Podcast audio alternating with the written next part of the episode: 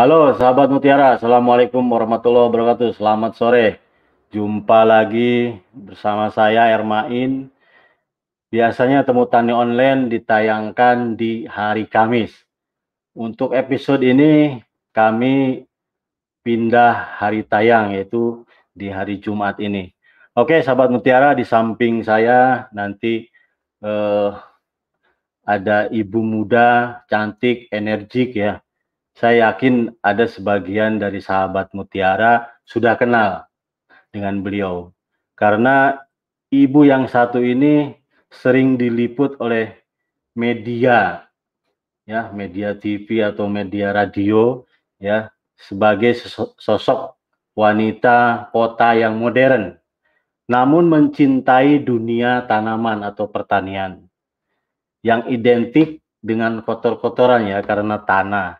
Nah, saya ditemani saya juga bertemanan nih dengan beliau yaitu di salah satu medsosnya yaitu di Facebook. Memang isi postingannya itu enggak jauh-jauh dari tanaman sahabat mutiara. Ya semua tanaman tentang tanaman. Ada yang e, ditanam secara terbuka ya lahan terbuka atau konvensional ada juga beliau menekuni dengan sistem uh, hidroponik. Sangat jarang yang apa seperti ini ya. Oke, seperti biasa sebelum kita mulai saya ingin mengingatkan sahabat Mutiara jangan lupa uh, like video ini kemudian subscribe YouTube kami dan pentung tanda loncengnya. Jika ingin berdiskusi dengan kami, kami menyediakan ruang diskusi ya yaitu di Telegram. Kalau mau bahas tentang pertanian konvensional, sahabat Mutiara bisa bergabung dengan grup yang namanya Komunitas NPK Mutiara.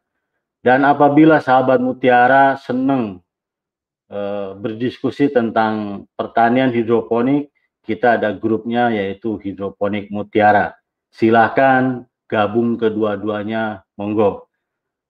Oke, eh, sahabat Mutiara, yang sebelah saya ini adalah namanya Bu Harti Kurniawan. Dia adalah pemilik hijau spam. Gimana Bu? Sehat Bu? Sehat. Gimana Pak Armain?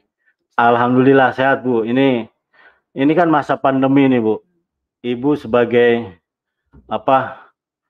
Ini kader Kementan ini sebenarnya. Karena mendorong pertanian ya. Ya sekarang lagi lagi lagi hot-hotnya adalah uh, urban farming Bu ya. Nah ini membatasi nggak nih ada pandemi ini Bu, gerakan Ibu atau aktivitas Ibu di kebun ini?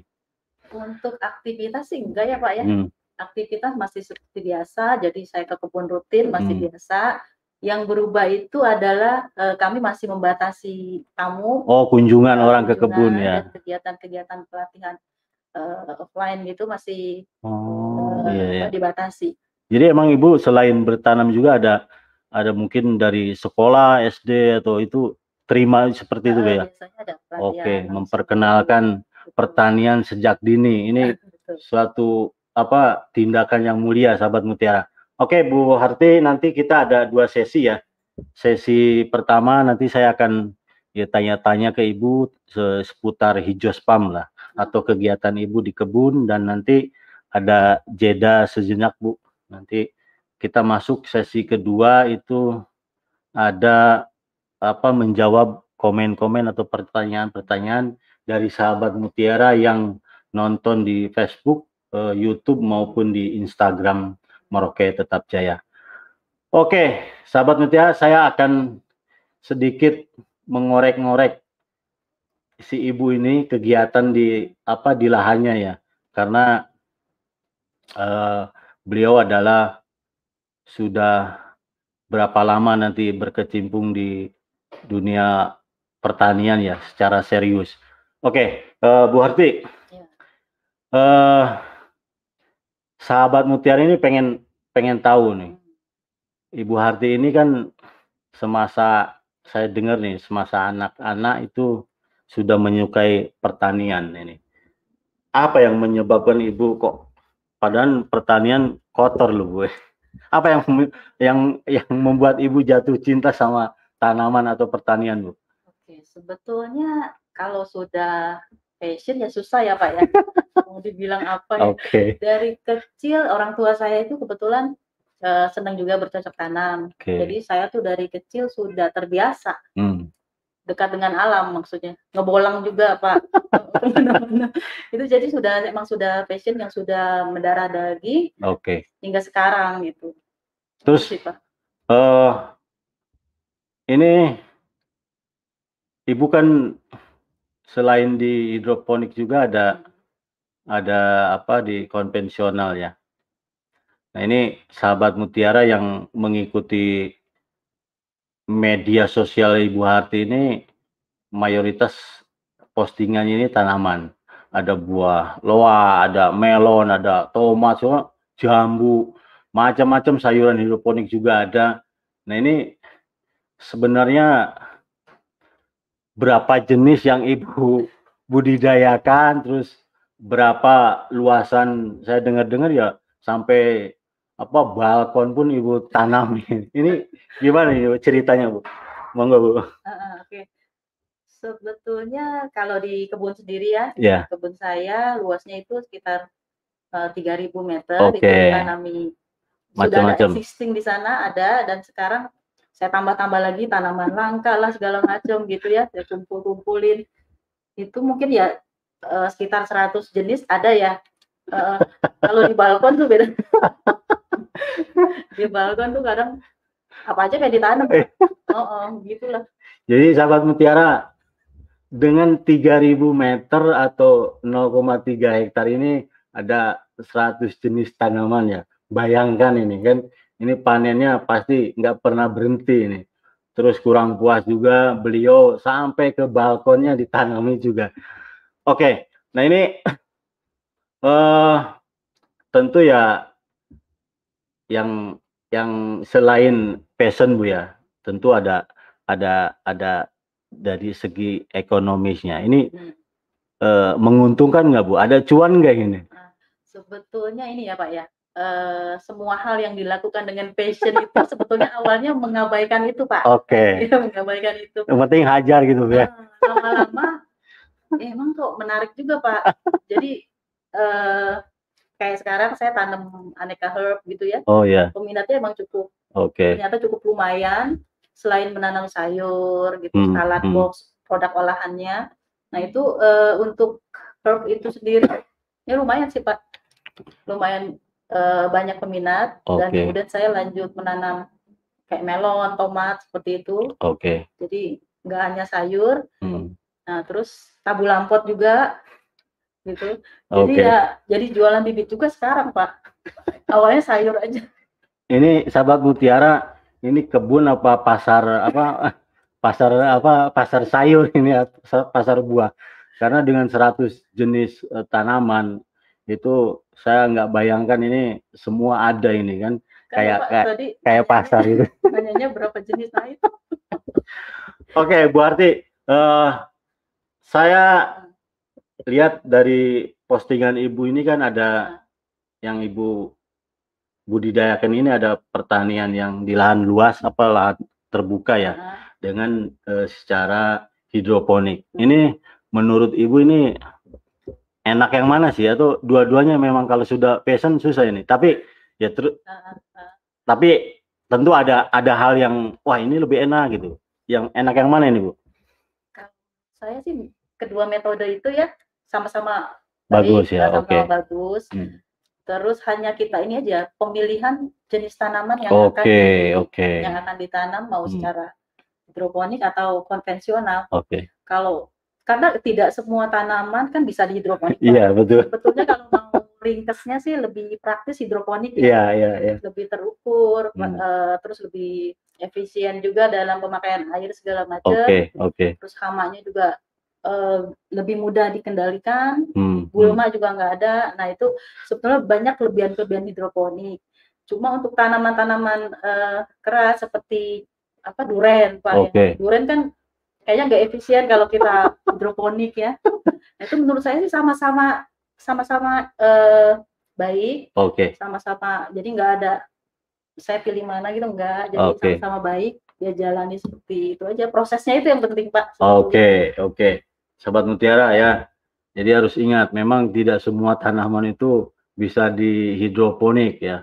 Kayak tadi Bu Arti bilang ya durian itu kan ya susah ya. Ya mungkin satu atau dua bisa. Kalau udah skala luas kan susah Bu ya. Apalagi kelapa kan gitu. Jadi memang yang hidroponik itu khusus sayuran Bu ya? Yang hidroponik sayur, sayuran, sayur dan uh, buah. Buah, buah ya. Melon. Oke. Okay. melon, tomat itu. Tomat juga ya. Tanam okay. Oke, okay, sahabat mutiara, nanti bisa minta alamatnya di mana hijau spam itu kan. Kita bisa buruduk ke sana ya karena ingat ya itu ada ada 100 jenis tanaman. Jadi kayak pasar lah. Oke, okay, berarti kita mau uh, bahas tentang usaha ibu nih berjalan sekitar eh, 2017 ya bu kalau nggak salah. Iya, nah, saya membangun uh, greenhouse mini itu. Itu 2017. 2017. Oke, okay, dengan brand yang uh, sekarang yaitu hijau spam ya bu ya. ya. Nah ini saya pengen tahu nih, ini filosofinya hijau spam ini apa nih bu? Dari kata sang sekerta kah atau bahasa Latin kah kan itu? itu Biar sahabat mutiara tahu ini sebetulnya sih nggak sengaja Pak Hermen hmm, nggak hmm. sengaja waktu itu uh, jadi hijos itu bahasa Spanyol sih oh Pak. Spanyol oke okay. hijos itu artinya sans jadi anak laki-laki kebetulan oh. anak saya lanang semua oke okay. nah karena hijos itu bisa diplesetin jadi hijau juga hijau okay. daun lah ya, ya, betul. nah jadi nyambung pak oke okay. uh, eh, okay. dan mudah diingat relatif mudah diingat ya mudah-mudahan Ya, ini ternyata filosofinya seperti itu. Jadi dari bahasa Spanyol memang ibu ini ya selain cinta tanaman atau pertanian juga tidak tidak apa mengabaikan uh, keluarga. Makanya ini namanya hijos ya katanya anak laki-laki. Oke di di di disambungkan menjadi hijau spam ya. Jadi memang hijau itu ya ah. tanaman lah. Oke, uh, pertanyaan lagi dari saya Bu, Ijo Spam ini kan uh, mempunyai konsep one stop service ya. Hmm. Ya mungkin selain budidaya Ibu ada ada apa lagi di di lahan Ibu atau uh, apa kegiatan-kegiatan apa aja nih, Mik? Oh ya. Hmm. Itu one stop service itu kalau uh, di Hijau Farm sendiri selain budidaya sayur ya, sayur hidroponik. Hmm. Nah, itu kita juga jual olahannya, Pak. Oh, olahan. Uh, olahan produk okay. olahan kayak uh, salad box. Oke, oke, oke, oke. Kemudian saya juga ada bikin puding dari suji sama pandan. Nah, okay, itu kan okay. produk yang ditanam. Terus saya ada bikin apa? Uh, sebelum pandemi ya kita ada hmm. pelatihan-pelatihan. Hmm terus ada apa kunjungan kunjungan kebun gitu okay. dan ada kegiatan karena saya senang masak pak main nah, saya senang masak jadi itu ada kegiatan namanya uh, kulineran gitu oke okay. kalau ada acara misalkan reuni atau apa gitu bisa ke kebun saya okay. nah, terus nanti saya bisa olah uh, masakan langsung di depan mereka gitu oke okay. nah olahan-olahan kebun nah itu ya cukup menarik sih.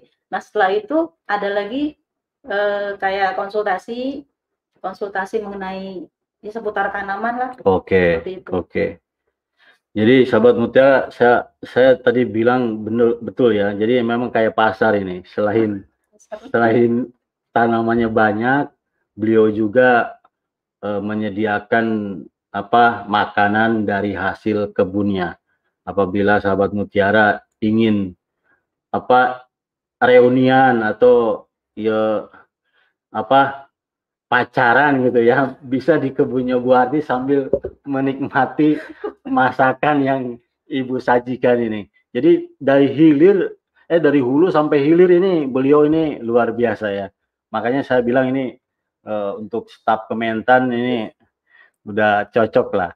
Oke Ibu, uh, saya ingin tanya lagi nih Bu bagaimana hijau spam ini beradaptasi dengan pandemi selama setahun terakhir ini ya? Apa konsep ya one stop service ini Ibu tadi ada perubahan atau sama sekali memang nggak ada kunjungan atau dibatasi Bu? Kalau yang berubah selama pandemi ini eh, kunjungan yang pasti ya. Hmm. Jadi kita membatasi dan memang eh, apa tidak mengadakan dulu pelatihan secara langsung. Oke, tatap ya, muka itu dibatasi Bu ya tidak ini tidak kita jalankan. Nah untuk uh, jualan online atau menanamnya sendiri aktivitas sendiri itu hmm. sudah sama seperti biasa sebelum pandemi. Hmm. Nah, yang berubah hanya itu aja. Okay. Kunjungan itu kita. Jadi memang uh, konsultasi terus untuk apa pelatihan training-training untuk nah, pemula itu memang di stop nah, dulu ya. Stop dulu demi Oke. Okay. Ya, kebaikan bersama ya Pak. Ya. Oke. Okay. Memang kita harus ikut aturan Bu ya nanti repot. Oke, Bu Arti, ini selain tadi Ibu menyediakan sajian yang hasil dari hmm. kebun Ibu, ini kan uh, masa pandemi ini orang kadang-kadang suka ikut-ikutan nih Bu, hmm. ikut-ikutan nanam ini. Kadang-kadang kan sekarang masalahnya kan benih atau bibit itu susah di susah didapat Bu ya. Nah ini Ibu apakah ada melayani apa penjualan bibit gitu Bu yang siap tanam ini? Caranya seperti apa ini? Nah, itu benar, Pak. Jadi selama pandemi ini banyak yang tadinya tidak uh, tidak hobi menanam. Oke. Okay. Nah, jadi mungkin mengisi waktu yang karena sering di rumah itu, Bu ya. Uh, mengisi waktu ya biar bermanfaat mereka menanam. Oke. Okay. Gitu. Cuma ya banyak juga yang lucu-lucu sih, Pak. Jadi mereka males menyemai gitu kadang. Oke. Okay. Males menyemai, tolong dong semain ya awalnya seperti itu. Semain nanti saya beli tanaman yang sudah hidup, Oke. Okay. sudah jadi gitu. Hmm. Nah itu pandemi ini malah meningkat ya Pak penjualan eh, tanaman-tanaman okay, kayak okay. herb gitu ya. Oke. Okay. Itu gitu. berarti yang siap siap tanam Bu ya? Siap, uh, malah siap dipandang gitu ya. siap apa namanya siap dikonsumsi eh, juga. Oke, okay, oke. Okay ini tinggal dirawat aja. Sahabat Mutiara ini uh, ibu ini emang pinter lihat peluang ya. Jadi selain jual bibit juga jual tanaman yang siap dipanen. Nah ini luar biasa ini. Memang saya sering lihat bu, kalau di dulu kan ada ada apa Car Free Day itu ya. Ah. Itu ada kawan-kawan bawa tanaman yang ya kayak cabai, tomat sudah berbuah itu memang ya luar biasa. Apalagi sekarang pandemi. Berarti ibu ngantarnya itu secara pakai apa nih bu? Kebetulan jasa online gitu ya? Masih melayani dalam kota aja. Oke. Okay. Jadi ya kita pakai uh, kayak ojek online gitu loh pak. Hmm, nah, Oke. Okay. Jadi gampang dan masih kondisinya masih apa? Relatif seger ya diterima okay. karena langsung ke pelanggan. Ibu bisa menyediakan misalnya pesan kalau saya pesan misalnya seribu tanaman bisa ini bu.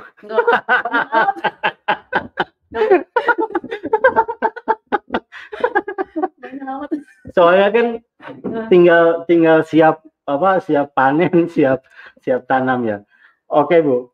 Uh, sekarang ini bu ibu kan tadi koleksinya udah ratusan bu masih jangan, jangan lupain ratusan masih jadi banyak banget masih kurang nggak nih? Ada tanaman yang jadi incaran ibu nih untuk tanaman misalnya buah-buahan atau ya atau rempah-rempah itu? Oke, sebetulnya sih ini Pak dari sekarang ini kan saya lagi seneng tabu lampot. Oh iya iya. iya.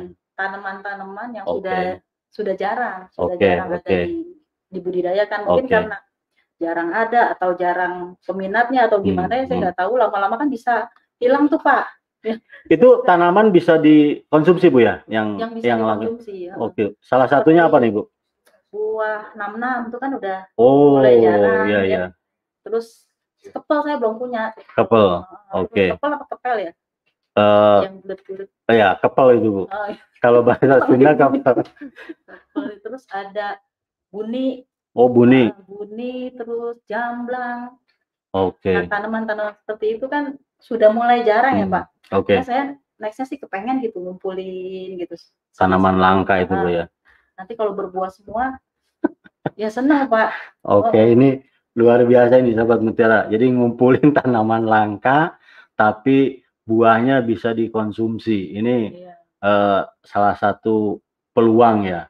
Ini Ibu Harti ini baik ya, baik hati. Jadi dibuka semuanya. Jadi ini sebagai apa inspirasi untuk kita ya. Jadi memang eh, tanaman-tanaman uh, langka. Saya pun tadi ada beberapa tanaman yang disebutkan waktu itu saya baru dengar gitu. Oke, Ibu, nah saya satu lagi nih. Tadi kan ada banyak koleksi, Bu. Dari tanaman rempah-rempah, Ibu ada apa aja nih? Saya pengen tahu koleksinya kan itu. Okay. Tanaman herb ya, Pak? Iya, iya. Ada aneka min. Oke. Okay. Uh, Kalau yang umbi-umbi, Ibu, ya kayak rempah-rempah umbi-umbi tanam juga ya? Umbi. Ya kayak kayak ubi jalar saya tanam. Oh, ubi jalar nah, ya.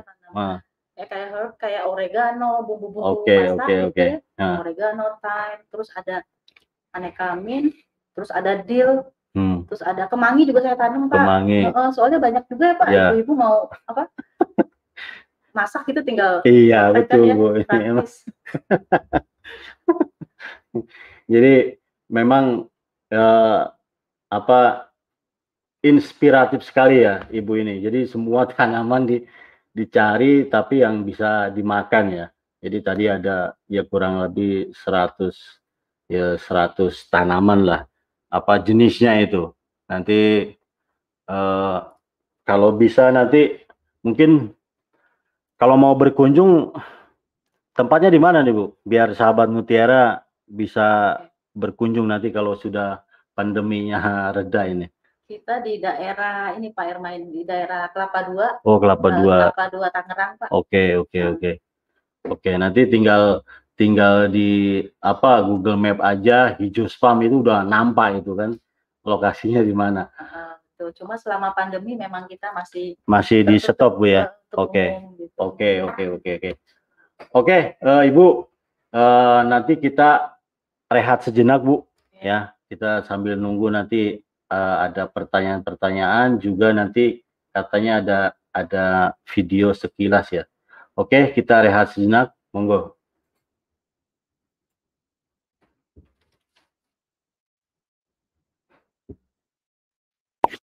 Bye.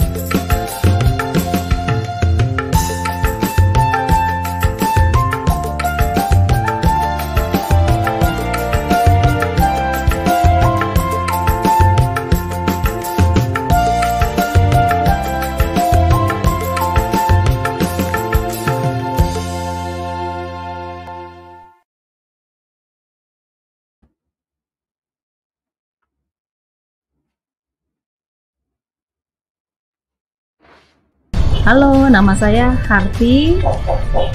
Saya adalah ibu rumah tangga dan owner dari Hijos Farm.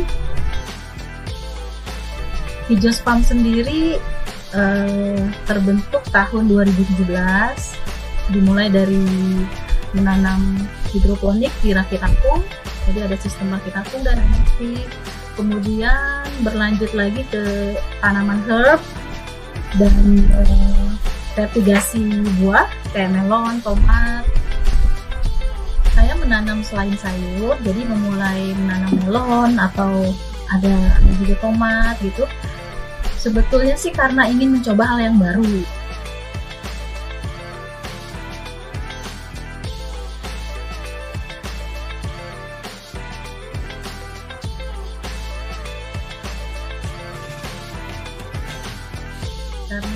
Tua saya juga uh, senang bertani, senang menanam aneka macam tanaman di kebun. Nah, kemudian ya itu, jadi otomatis saya juga senang senang tanaman, tanam tanam sayur, tanam buah gitu.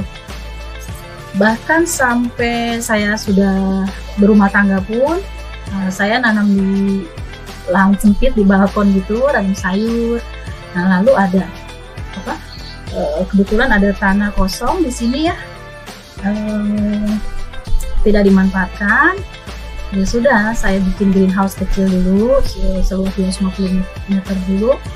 Nah dari situ baru berkembang ke tanaman-tanaman uh, konvensional selain sayur gitu. Saya menanam selain sayur jadi memulai menanam melon atau ada juga tomat gitu sebetulnya sih karena ingin mencoba hal yang baru. Untuk yang konvensional tabu lampot itu saya ada tanam lengkeng terus ada ada jeruk aneka jeruk ada terus ada pohon gandaria juga nam nam terus ada jeruk bali ada sisa gamblang gitu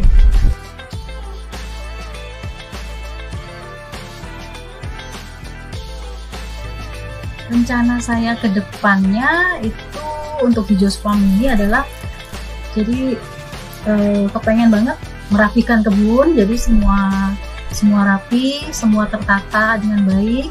Dan kepengen menambah apa uh, koleksi tanaman-tanaman yang yang mudah-mudahan dapat yang langka-langka yang jarang jarang ada ya. Jadi tanaman itu bisa bisa terus uh, apa lestari gitu loh nggak punah gitu itu impian saya sih